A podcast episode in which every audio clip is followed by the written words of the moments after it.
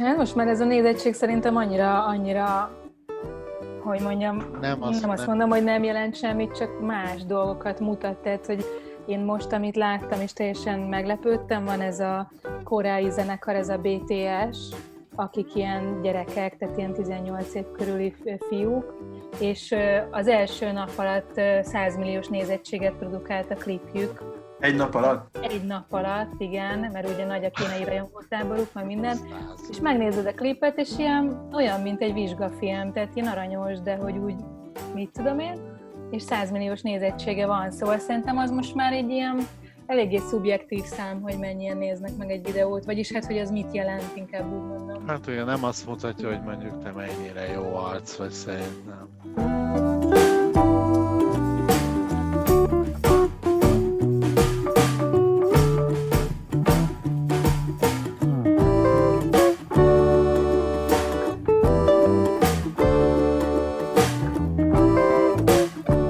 Milyen fagyit ettél?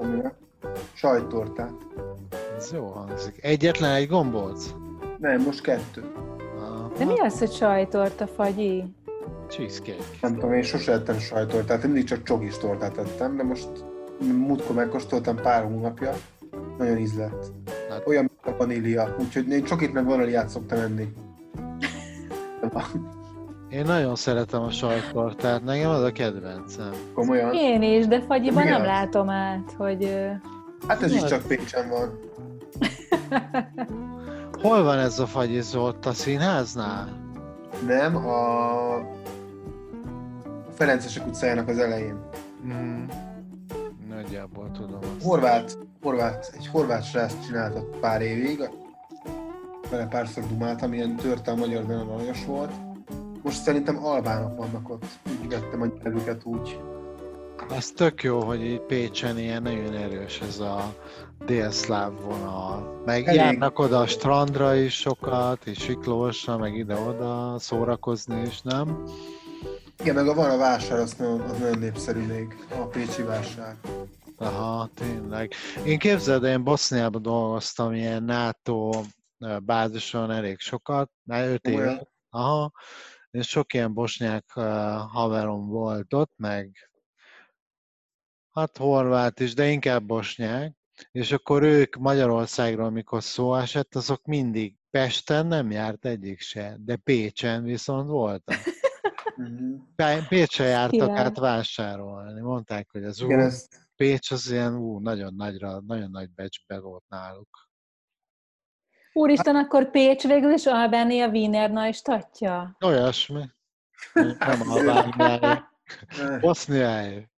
nem tudom, lehet, hogy inkább Bécse. Hát én a múltkor néztem a térképen egyszer még talán tavaly, vagy mikor, hogy megnézni, elutazni oda, és kiderült, hogy ilyen tök nagy városok vannak, és Pécstől, még az a Banyaluka, azt hittem nem is olyan nagy, valami 200 Aha. ezeres város. Te voltál ott? Voltam. És ez milyen? Hát Na, az ott a szerb, az egy ilyen szerb központ Banyaluka, tehát Bosznián belül ugye vannak, élnek horvátok, bosnyákok, meg szerbek. Ja. Nem, úgyis két része van osztva közigazgatásilag is az ország, az egyik a szerb köztársaság, a másik a horvát föderáció, és külön parlamentjük van, meg és milyen, mint Belgiumban, tudod. Igen.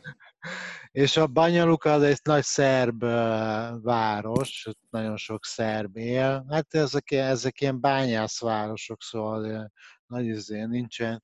De nagyon, tehát kulturális életben érdekes módon ezekben a volt Jugoszláviában így nagyon jó például a jazz, ó, isteni jazz koncertek vannak, rengeteg ilyen jó szórakozó hely, akkor az irodalom is az is megy, meg nem tudom, az ilyen színház, és tök érdekes. Nekem ez nagyon furcsa volt. Hát én Szlovéniába járok nagyon sokat, nagyon megszerettem azt az országot, és ott is mindig ez a... Egyszer kimentem a fordítómhoz, találkoztunk Muraszombaton, ott lakik, Mm. és egy tízezeres város, és megérkeztem, és rögtön az első, amiben belefutottunk, az egy ilyen szabadtéri kortárs táncfesztivál volt. Mm. Wow.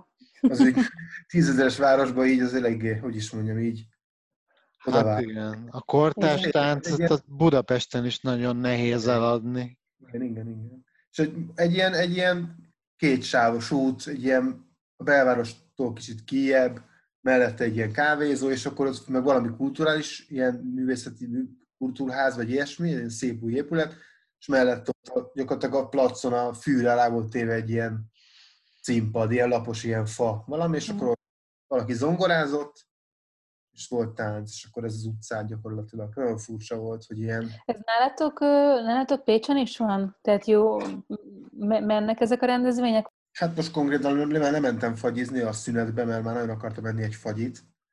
És amikor a, átmentem a téren, akkor pont valakik táncoltak, valaki zenélt, ilyen társas táncot mutattak, és körülöttük emberek álltak, és nézték, ilyen nem tudom. Tök jó.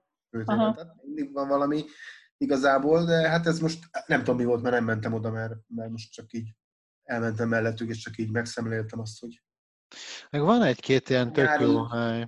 Ez a nyári estéket azt a, azt a helyiek foglalják azért el, meg a turisták, és akkor a hétköznapokon van inkább kisebb mozgás, akkor inkább így a szokott arcok mm.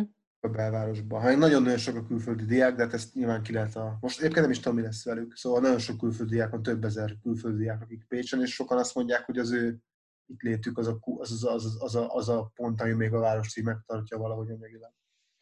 Várja, várja, várja, én erről nem tudok, hogy sok külföldi diák van Pécsen. Hát vagy négyezer. Komolyan? Orvostan hallgatók főleg, igen. Az echte pécsiek azt mondják, hogy, de most már kezdem látni, hogy így van, hogy azért ez a város ez nem véletlenül ilyen itott, vagy ilyen kulturálisan ennyire mindig így élen jár, mert hogy ilyen nagyon multikulturális, mert hogy szószoros értelemben több különböző kultúra élt együtt, tehát hogy ilyen bolgártól kezdve délszlávokon át, és itt a romák is azért egy csomó, itt, itt, itt, itt lett először a Gandhi gimnázium, ugye itt alapították meg, itt van romológia tanszék, tehát hogy valahogy itt, itt úgy minden kicsit úgy ki tud fejlődni. Hát meg ugye a sváb, meg a német hatás, Igen? az egész Tolna és Baranyában rengeteg. Azt nem is tudtam. Én sem rengeteg tudtam. székely, ezért és rengeteg székely, akiket ugyancsak kitelepítettek, ha jól tudom, bár ennek most utána kéne nézzek, vannak ilyen barátom is, akinek az egyik, szára, egyik ágas a másik székely. És itt tényleg a, itt Tolna megyében sok ilyen, nagyon érdekes, hogy nagyon-nagyon sok a sváb falu. Aha. Még nekem rémlik zsinagóga is, hogy lehet, hogy régen a háború előtt sok zsidó is volt Pécsen. De Persze, hát nem vannak ilyen botlatókövek is, pont az én utcán fölött is egyel. Hát most is megvan a zsinagóga. Mi az, hogy botlatókő? Hát, hogy a, azoknak a ház előtt elhelyeznek egy ilyen, egy ilyen emlékkövet, akiket onnan deportáltak. Néhány helyen vannak ilyen. Hát látszik is kicsit azért is botlató, mert, egy, mert hogy így belebotlasz, vagy nem tudom. Uh-huh. Ha ez hülyeség volt, akkor majd töröljük ezt.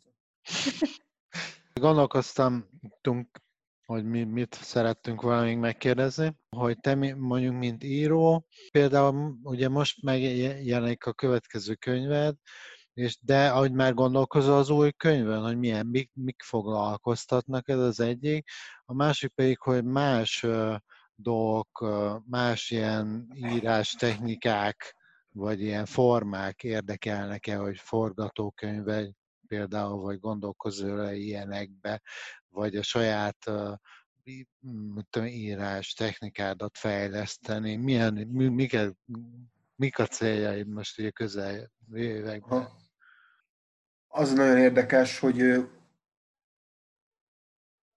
mindenképpen úgy tudok írni csak jól, szerintem, vagyis én így működöm, hogyha abban a, amit írok, abban van valami személyesség, de valami nagyon mélyen személyes, és nyilván ez az inkognitó esetén tök evidens volt. Az aludnot kellene esetén is evidens volt, de már sokkal tudatosabban csináltam történetet belőle, szerkesztettem úgy, hogy az már nem a sem az én, sem a családom élete nem volt, hanem ilyen bizonyos elemeket így bele tudtam tenni, vagy ilyen karaktereket, karakterformálásba segítettek ilyen figurák, akiket egyébként ott ismertem meg, ahol a nagyszüleim nőttek, nagyszüleim éltek egy tanya, ilyen tanya, tanya központ, egy állami gazdaságnak egy ilyen tízházas ilyen épülete volt, ott éltek, akik ott dolgoztak az állami gazdaságban, ez Budapestről 60 kilométerre volt, nagyon sok nyarat töltöttem ott, még kisgyerekkoromban, vagy gyerekkoromban, aztán később is jártunk oda, amikor a apám visszaköltözött oda, a nagyszüleimet ápolni, és akkor ebben is nagyon sok szem, ebben, tehát ebben is volt egy személyes, és ebben a most írott regényemben valami egészen másképpen, de ebben is nagyon személyes dolgok vannak, de ezt most talán nem is akarom lelőni ezt a poén, mert ez, vagy nem is pont, hogy nem poén, de hogy ez, ez így most ezt nem akarom kifejteni,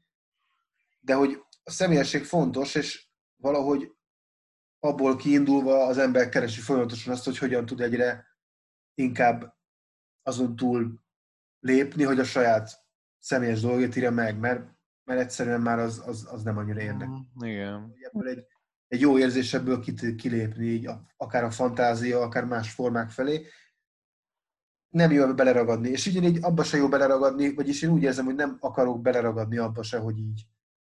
Se abba, hogy ilyen, mondjuk ez a leginkább ez a második regényem kapcsán volt, hogy ez a szociális érzékenységű próza, meg hogy ez az ilyen társadalmi érzékenység, meg ezek a hívószavak, amikre az ember így, amiket automatikusan társítanak hozzá, ami ugyanúgy megvan most ebben a regényben is, de hogy azon nagyon sokat gondolkodtam, hogy hogy tudom úgy megcsavarni, hogy már ne, hogy benne is legyen, de ne ez vigye hanem valami más vigye el. Uh-huh. És mhm. direkt valami ott, hogy tök más téma legyen benne. És akkor ez a más téma, ez így érdekes módon egy ilyen, egy ilyen őrült szerelem története lett, ami közben tele van egy csomó ilyen, ilyen traumatikus dologgal, mint például egy baleset, egy balesetet szenvedő lány, aki kómában van. Uh-huh. És akkor így szépen épült fel az egész, és, és ebben a regényben most, ami most fog megjelenni, ebben van négy beszélő, egyik ezek közül, aki kómában van, és már ebben a regényben is sokat kísérleteztem azzal, hogy hogyan lehetne az, maga az írás technika, ugye erre is kérdeztél, hogy az írás technikát hogyan lehet egy kicsit megint csak kibillenteni abból, a, abból amit eddig csináltam, és nyilván ezért is telt el a két könyv között. Hát, ha még idén megjelenik, nem egyszer halasztották, de most ki tudja megint mi lesz, de hogyha már feltesszük, hogy idén megjelenik, akkor kettő könyv között eltelt hat év, tehát azért az elég sok. Mm. Én nem akarok évente könyveket írogatni, csak azért, hogy legyen egy könyvem. De hogy nyilván ebben az is benne van, hogy nagyon másképpen akartam csinálni, mást akartam csinálni. A könyvnek egy bizonyos, az egyik narrációja az majd, hogy nem ilyen prózaversszerű, tehát hogy így ennyire, valamilyen szinten még ez ilyen, mondjuk így, hát ez, ez, ez aztán végképp egy új terület volt, amit így jó volt így fölfedezni.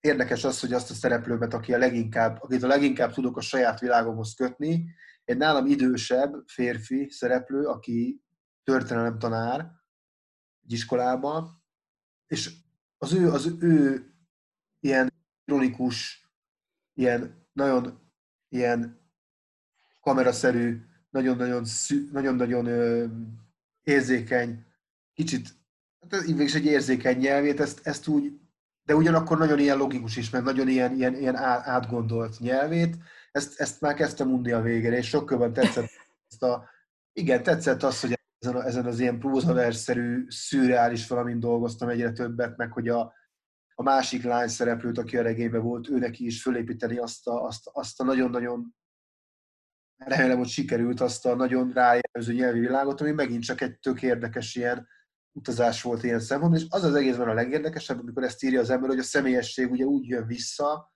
hogy valójában egy ponton rájössz, hogy ez a négy szereplő, akik közül teljes 50 éves történelemtanár, egy 21 éves fiú, aki egy ilyen Budapest környéki kis telep, ilyen városfalú, valami, mit tudom én, ilyen helyen él, és ilyen elég alsó osztályból származik, teljesen ilyen, ilyen, hát egy rossz társaság, stb. Neki a nővére, aki ők ketten koran árván maradtak, és ő nevelte fel ezt a fiút, tehát ő egy ilyen eléggé terhelt, de ugyanakkor nagyon tehetséges, érzékeny, de közben egy kicsit mindig az őrület határán billegő lány és akkor a, a negyedik szereplő meg így kómában fekszik, és ő meg így az egész, neki az apja a férfi, és akkor ő rekonstruálja kicsit a férfi által elmondottakat, elmondottakat, még mindig ő így a tudattalanul is, szó szerint tudattalanul így mindig ellenpontozza, vagy megerősíti. Tehát, hogy van egy ilyen, mm. egy ilyen kölcsönhatás közöttük, és a legérdekesebb az volt, hogy ezekben a nagyon különböző karakterekben így az ember egyszer csak az döbben le, hogy ez mind nő. Tehát, mm. hogy, így, hogy így hogyan lehet sokféle sok, tehát az emberben ennyi minden van. És hogyha az ember elkezd írni, és ezzel elkezd így nagyon foglalkozni, és így bele van ebbe valami, van ebbe valami. Én, nem, én életemben pár füvességre szívtam bele, úgyhogy nem tudom, hogy jó, jó amit mondok, de kicsit ilyen drog, drogszerű lehet, hogy elkezdesz csinálni valamit, és egyszer csak érzed azt, hogy így mennyire emenedik, és így bele, teljesen beszippan magába, és közben végül is egy fiktív karakter, de mégis te vagy, én vagyok az a 21 éves fiú, aki aki aki a világgal szembe mindent, a világgal szembe, és, és csak azért is mindennel szembe, és én mondjuk én ilyen voltam 16 évesen. Mhm. Ez így valahogy előjön, és akkor azt most rakod össze kicsit, szóval az írásban ez a csodálatos, igazából ez a csodálatos az írásban, minden, ami utána jön, az már csak egy ilyen, az már csak ilyen plusz, tehát hogy kiadják, megjelenik. Az megint csodálatos, amikor, az, amikor visszakapod a visszajelzéseket, hogy ez meg az meg az akár nyilván a jobbak azok csodálatosabbak, mint a rosszak, de hát a rosszból meg tanulni lehet. De hogy ez van, és ez a írás technikára való bonyolult válaszom, az meg, hogy mi gondolkodok, azt meg már tudom, de az, az, az, azt teljesen világosan tudom, hogy mi lesz. Valójában már akkor tudtam, amikor ezt elkezdtem írni, és ha talán ha azt nem tudtam volna, akkor ez sem biztos, hogy még elkezdem. Mhm. Tehát, hogy most, most úgy tűnik, hogy nem, remélem, hogy nem lesz hat év a két könyv között, és most miközben ezt írtam, valahogy néha eszembe jutott egy másik is, amin így Mhm. tudok gondolkodni, mert, mert még egy, ez se jelent meg, még ennek is most jön csak a- az igazi kifutása, meg még vannak projektek, amiket emellett csinálok. Csináltunk most egy könyvtrélert, ami szerintem nagyon jó lett, majd azt, majd azt amikor a szeptember elején fogom majd föltolni így a Mhm. közösségi médiába, meg majd lesz... Animáció, vagy ilyesmi? Hogy? Ilyen animáció? Nem, nem, vi- videókat vettünk föl, és akkor abból csináltunk egy összevágtunk, ilyen, meg egy barátnőm rá zenét, tehát hogy egy eléggé Tök jó. Aha. Szerintem jó lesz. Hát ilyen hangulatos. Igazából csak egy hangulat, tehát nem lehet 30, 33 másodpercben nem lehet narrációt. Az előző tréler is nagyon jó, különben, amit én láttam, a, a Azt a Gróf Balázs csinálta. aha, képregény rajzoló. az aludnok Mhm. kellene, annak is nagyon jó trélere van. Igen, az jó volt. Hát az, az animáció volt. Mm, Ez egy jó, nagyon jó ötlet szerintem, mert én ilyet még ilyennel nem is nagyon találkoztam még, hogy könyvek. Sajnálom. Vannak, most, most a magvató elkezdte csinálgatni, és ilyen, pont ilyen félperceseket, mert az élet és irodalomnak ugye úgy adják ki a cikkeit mindig, hogy kell nézni egy reklámot előtte. Aha. Igen, igen. Akkor a magvetős könyvek, azok itt elég sok, elég sok magvetős könyv így. De, hát nem csak magvetős egyébként, de hogy én most azokat vettem észre, szóval így ilyen könyveknek szokott jönni így a, az előzetese. Hogy igazából a, egy Lakatos László, nevű szociológus volt az, aki meggyőzött a szociológiáról, ugye nekem szociológiára kell mennem. Volt egyszer egy óra, ami az egész óra egy vita volt, azzal az állításával, amit akkor persze én sem értettem, csak kapizsgáltam. Ő azt mondta, hogy nincs tehetség. És akkor persze ott volt 60 fiatal, aki mind azt hitte magáról, hogy rohadt tehetséges, mert ő újságíró lesz meg minden. Ja, ja. És, és akkor jön egy ilyen szociológus, és akkor azt mondja, hogy nincs tehetség. És akkor azt mondta, hogy nincs tehetség, csak hozzáférés. Mhm. Oké. Okay. Hozzáférés mihez? Magadhoz? Nem magadhoz, a, a, azokhoz az eszközökhez, amelyekkel a tehetséget ki tud bontakoztatni. Ha. Akkor erre mondta azt, hogy mondjuk milyen te, hiába van valakinek tehetsége a zongorázáshoz, hogyha az egész családjának annyi pénz van egész életében, hogy mondjuk maximum, nem tudom, hát nem tudom, mit csináljon. Ja, ja, ja. Egy szegény család, ugye. Ha meg valaki jó családba születik, akkor abba beleverik azt, hogy zongorista legyen esetleg, még akkor is, hogyha nem a legtehetségesebb benne. Igen, igen. Ez volt, képzeld egy voltam, hogy mondjam ezt, most Mondjad. voltam Bécsbe, Bécsbe egy könyvbemutatón, még, még talán három éve, és ott a, ilyen dolgokról volt szó, és mikor ezt elmeséltem, akkor a Tóth Krisztina, ő is ott, neki meg nekem volt a bemutatóm egyszerre, és akkor a közönségben ült már, és akkor közbeszólt, vagy hát így el, nem közbeszólt, tehát elmondta, hogy ő találkozott egy, egy mi ismert egy roma fiút, akiről egyszerűen kiderült egy idő után, hogy nem lát lényegében. Annyira rossz a szeme. Ne. Hát nagyon rosszul lát. Aha. Hogy a család ezt el akarta írni. Viszont nagyon tehetséges volt, azt hiszem valami, valami matematikával, nem tudom, valami nagyon Aha. tehetséges volt.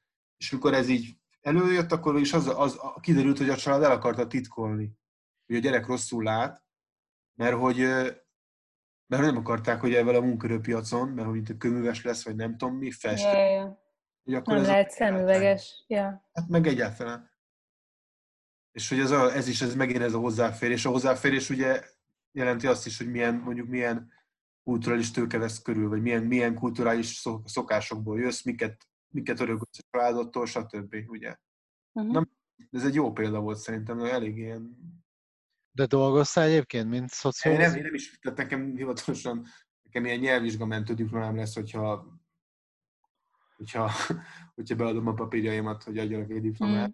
De tök sok szociológus vizsgám van de- egyébként, akiből ilyen művész lett, vagy nem tudom. Azt hiszem hajós is szociológus. Ő is Hajós. szociológus, igen. Hát nagyon sokan, az Závada Pál is az írók közül, és még lehetne sorolni. Szerintem a szociológia, a, az a szemlélet, az nagyon benne van. Tehát én nagyon fontosnak tartom azt a szemléletet, amit a szociológia hordoz. Ö, Pont ezt, pont arra kérdez mindig rá, hogy amit látunk, az tényleg úgy van és nézzünk mindig mögé, meg még, megint mögé, meg megint mögé, és akkor már nem tudom, akkor lehet, hogy más fogunk látni. Mhm. Uh-huh. hogy ír, vagy írni akar, akkor, akkor ott ez a lényeg, hogy a lehető legtöbb, hogy is mondjam, egy, egy, dologra lehető, egy dolognak a leg, lehető legtöbb ö, oldalról el tudja képzelni, a legtöbb mindent meg tudja látni benne. Mhm. Ilyen értelemben a szociológia az, az egy nagyon jó ilyen, jó ilyen terepe a megfigyelésnek, konkrétan erről szól, megfigyelünk dolgokat. A szociológia, szociológiai gondolkodás, meg egyébként az, azt a szociális érzékenységet, amiről beszélünk, mondjuk egy aludott kellene esetén, azt nyilván nem lehetne úgy meg, megírni, hogyha nem, szerintem ahhoz kellett az, hogy én jártam egyetemre és tanultam ilyen, Ja. Ilyen mindenféle olyan dolgot, ami, ami, ami, ami, ami öntudatlanul is elkezdett működni akkor, amikor, ez, amikor a témához nyúltam. Mhm. Nyilván mondhatnám azt így önkritikusan, hogy ahhoz a könyvhöz pont, hogy inkább sokkal, sokkal inkább ilyen szociológus aggyal kezdtem el írni, mint, mint mondjuk író aggyal, mert hogy jobban kellett volna az, a, az irodalmi... Tehát irodalmilag a nyelve, a nyelve tök erős volt, meg ilyen, tényleg van egy ilyen, van egy ilyen következetesség benne, de hogy egy kicsit úgy érzem, hogy nem gondoltam át eléggé azt, hogy milyen perspektívából írom meg, Szóval nagyon sok apróság volt, amit mondjuk ennél a körnél már így úgy érzem, hogy megtettem, hogy egy kicsit jobban átgondoltam az egésznek a kereteit. Mhm. Aha. Téged érdekel egyébként így a népi kultúra, meg így mondjuk a világháború előtti Magyarország, Hát én inkább a két világháború közötti szociográfiák közül olvastam dolgokat. Pont amikor a, megjelent az Arnold akkor olvastam újra a puszták népét, tehát az nagyon durva volt. na, Azt én is most olvastam. Arányba elképesztő volt. Igen. Elolvastad, és ez megint ugyanaz, hogy nem változott semmi. Az az érdekes, hogy amikor én ezt elkezdtem csinálni ezt a könyvet, akkor már annyira szinte túlzásba estem, volt egy ilyen 60 ezer vagy 70 ezer karakteres vázlatom, és az csak egy vázlat volt. Tehát, hogy így de a vázlatot úgy értem, hogy gyakorlatilag minden fejezetnek előre megírtam azt, hogy mi lesz benne nagyjából, milyen egy, éppen ki, mit- ki szólal meg, hogy követik egymást, és nagyjából éppen hol tartunk az időbe. fú, ez majdnem mint egy forgatókönyv. Hát akkor. vagy igen, végül is az, az forgatókönyv, igen. És aztán utána azt kezdtem el így, így úgymond kitöltögetni. Tehát elkezdtem megírni. Aha. És akkor Ja, ja, ja. most ezt nem akarom hosszan mondani, mert ez nem egy íróiskola, de hogy az nagyon érdekes volt, hogy amikor elkezdesz egy ilyen világot fölépíteni, akkor nagyon, az a baj, hogy volt egy ilyen nagyon fölvillanyozó tapasztalásom, és elfelejtettem, hogy ne, nem írtam föl, nem küldtem el magamnak e-mailen, nem jegyeztem föl. Volt egy pillanat, amikor azt éreztem, hogy úgy összeállt az egész, hogy egyszerűen nem történnek másképp a dolgok, tehát hogy a regény magát fogja megírni, tehát van valami, és az valamerre halad, és egyszerűen úgy történnek meg a dolgok. Ezt már sokszor éreztem, más szempontból éreztem, hogy a regénynek van egy ilyen nagyon-nagyon durván kényszerítő ereje rajtad, tehát hogy így akkor, akkor tud igazán működni, amikor azt éreztem én, hogy már rég nem vagyok fontos, hanem a regény csinálja magát gyakorlatilag. Mm. Valami beleborzongtam. Nem De ilyet jó. tényleg? de, hát dehogy nem, de közben rohadt jó volt, mert azt akkor éreztem meg, hogy mégis jó, amit csinálok. De akkor úgy éreztem, hogy akkor úgy éreztem, hogy ez most megy valahova. Aha. Amikor azt a súlyt, ami rád telepszik, amit te csináltál, de hogy kell az általad teremtett Frankenstein. Aha. Ah, Oké, okay, aha. Tehát, hogy, hogy, hogy van valami, és akkor néha azt érzed, hogy így nem tudom, átmegy rajtad. Volt az elején, volt az elején szó erről, hogy, hogy abba, talán úgy megy előre a társadalom, hogy ez is elmondja maga elemét, az is elmondja maga elemét, mindenki mond valamit, és akkor így valahogy egy ilyen folyamatos ilyen vitákban, meg ilyen konszenzusokban így lassan így megkonstruálódik egy ilyen társadalmi rend, aztán az vagy időnként felborul, akkor újra kezdődik ez a diskurzus, és akkor ez így, ez mondjuk a mit tudom én a haladás, ez a nyugati kultúra, vagy nem tudom, tehát hogy ez valami ilyen, ilyen belátható dolog, és szerintem ezt pont amit te mondasz, azt úgy lehetne lefordítani erre, hogy egy csomó dologban én magam is úgy érzem, hogy egy csomó dologban totál liberálisnak gondolom. Magam is úgy érzem, hogy azt, azt kellene, azt a fajta azt a fajta logikát, vagy azt a fajta értékrendet kellene érvényesíteni bizonyos területeken. De máshol meg úgy érzem, hogy nem, nem az vinne előre, hanem mondjuk a konzervativitás. Vagy a mhm. konzervativizmus pontosabban már össze beszélek. És akkor lehet, hogy itt ebbe is az van benne, hogy nem, nem a liberálisoknak van igazuk, meg a konzervatívoknak, nem tudom kiknek, hanem hogy lehet, hogy sok, nagyon sok igazság van. Mm. És mhm. hogy, hogy most ezekből mi jön ki, hát ez sajnos az a baj, hogy soha valahogy mi úgy beszélünk, mint hogyha ezek annyira ellentétesek lennének, hogy csak az egész mindenben annak lehetne igaza, meg csak annak lehetne igaza. Uh-huh.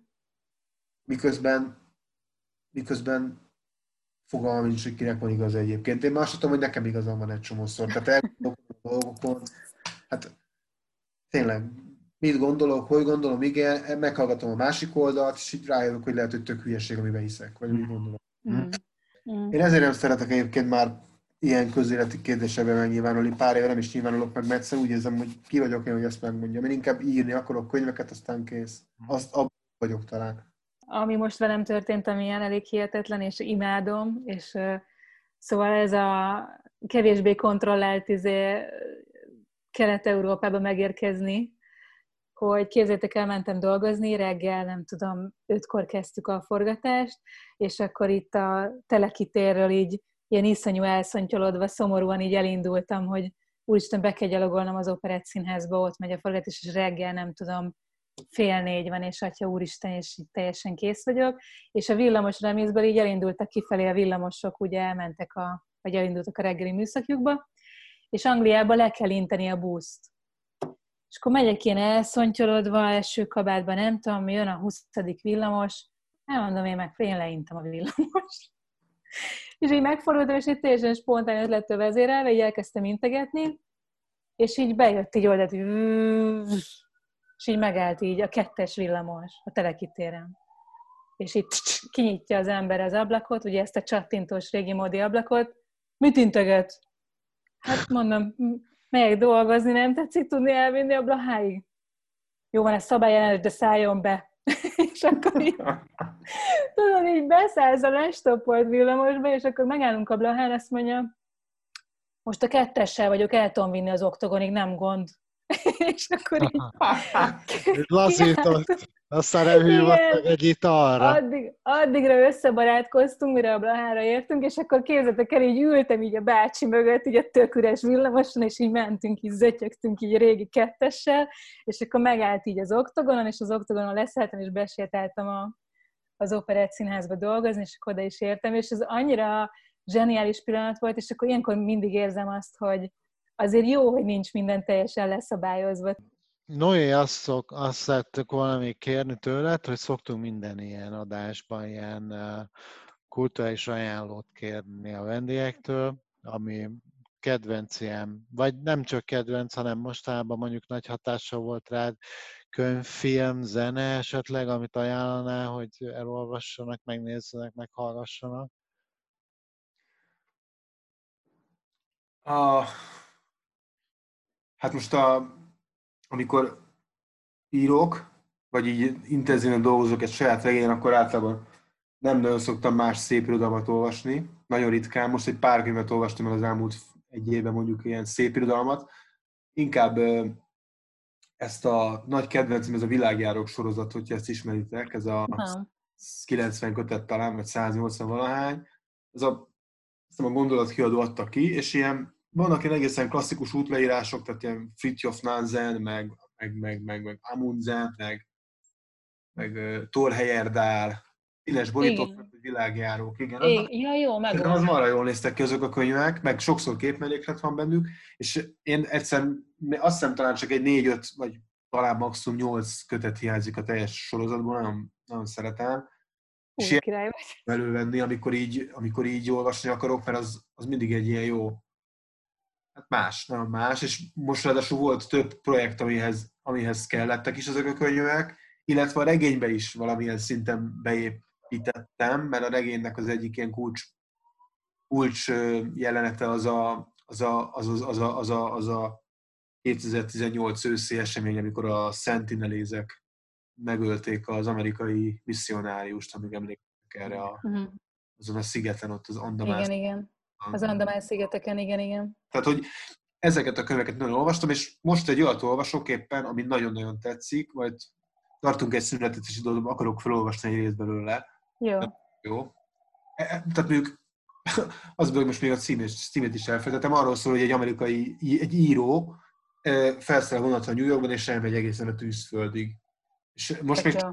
Guatemalánál tartok, de elképesztő, hogy milyen, írá, milyen jó írás. Tehát, hogy ilyen hihetetlen jó. Egyszerű irodalom is, de közben, de közben az egész társadalomnak, a társadalomra, a kultúra, hogy turistáskodik, de közben nem akar, milyen emberekkel találkozik. Hát szóval egy ilyen iszonyatosan jó egyvelege ennek az egésznek. Jó. zene, a zene azért nehéz, mert egészen egyszerűen én azt hiszem, hogy nekem én szinte csak zenével foglalkozom, hogyha nem írok, tehát hogy vagy ha nem dolgozom, zenét hallgatok, de hogy ilyen én fölfedeztem egy White Wine nevű zenekart megint, újra meghallgattam a 2017-es lemezüket, és hát nem tudom, ilyen teljesen ilyen abszurd, hogy milyen jó. Nem is tudom, hogy nevezze. Azt hiszem magukat se így, hogy leírják, hogy ilyen David Bowie-tól nem tudom meddig, van minden benne. Nagyon szeretem az olyan zenéket, amikben azért nagyon különböző egymást sokszor kioltónak, kioltó, vagy egymásra ellentétben álló műfajok is ö, meg, megvannak, és ezt is egyébként Pécsen az egyik, egyik elég jó szórakozójának a tulajdonosától kérdeztem meg, volt valami zenei fesztiválon Ljubljanába, ilyen fiatal zenekarok, és mondtam, melyik volt a legjobb, és akkor ezt mondta, hogy ezt nézzem meg, Aha. volt. Na, olvassak? Már valahogy úgy ülök, hogy látszódjon a könyv is. Végig annak drukkolt, hogy Paska megjelenjen az ölemben, de sajnos nem jött. Pedig olyan jó lett volna cukor. Hát az igazi lett volna. Meg egy pipa. Kötött polokkal. Egy pipa. Na, szóval ez arról szól ez a könyv, hogy ugye ez a csávó, ez az író, ez elutazik vonaton megy, végig vonatokon utazik, meg így. Tehát vonaton megy az express mert az egy, egy, egy vonalút, vonatút, és a guatemalai, meg Guatemalában rengeteg a földrengés, és azon csodálkozik, hogy három épület, a város három legfurcsább épület, egy valami templom, meg még másik kettő, egy ilyen palota, meg valami, igen, szobrok, ezek mindig kiállták. Tehát ezek minden földrengést így valahogy túléltek. Na, akkor most olvasok. Az utca üres, rajtam kívül nincs több járókelő. Úgy éreztem, holmi aforizmaféle búvik meg abban, ahogy az a röhelyes templom, a hamis palota és a vérfagyasztó szobrok kiállták a világ legkegyetlenebb földrengéseit, épségben maradtak, ahogy az ostobák átvészelik a gúny viharát. Csak mentem, mentem, és már alkonyodott, mire egy vegetáriánus vendégről leltem egy sötét külvárosban. Az étteremben mindössze hárman voltak, egyikük turbánban, hosszú szakállal és a szik vallás szertartásos ezüst karkötőjével, egy kaliforniai fiatalember. Épp elszakadni készül a szik vallástól, közölte, de még nem jutott hozzá, hogy megborotválkozzék, a turbán pedig önbizalmat kölcsönöz. Mind a építészmérnökök házakat terveznek, akik két esztendeje az 1976-os földrengésben hajléktalanok lettek. Tervezik a házakat? kérdeztem. Vagy fel is építik? Tervezünk, lakótömböket csinálunk panelekből, falvakat tervezünk, házakat építünk ától zéig, közölte a turbános. Nem ajánlatos túlzásba vinni az e fajta idealizmust, figyelmeztettem, végtérés a kormány dolga, hogy fedelet kerítsen a lakosok feje felé, fölé. Pénztűkkében vannak, eladhatnak fémhulladéknak egy pár bronzszobrot. Mi kormány megbízásból dolgozunk, közölte a másik. Nem volna jobb megtanítani az embereket, hogyan kell házat építeni? Aztán rájuk bízni a többit? kérdeztem. Mi csak három falat húzunk fel, magyarázta a turbános. Akinek ház kell, maga fejezi be. Felhúzza a negyedik falat, és rárakja a tetőt. Helyeseltem. Ezáltal helyreállt az egyensúly, bizalom az idealizmusban, egy szemernyi óvatossággal mérsékelve. Meglehetősen komor társaságnak látom a guatemalajakat, közöltem. Nekik is ez a tapasztalatuk? Te felej, mondja az egyik fiú a turbánosnak. Te vagy itt egy éve. Komorak, mondta a turbános, és bölcsen simogatta a szakállát. De hát minden okuk meg is van a komorságra.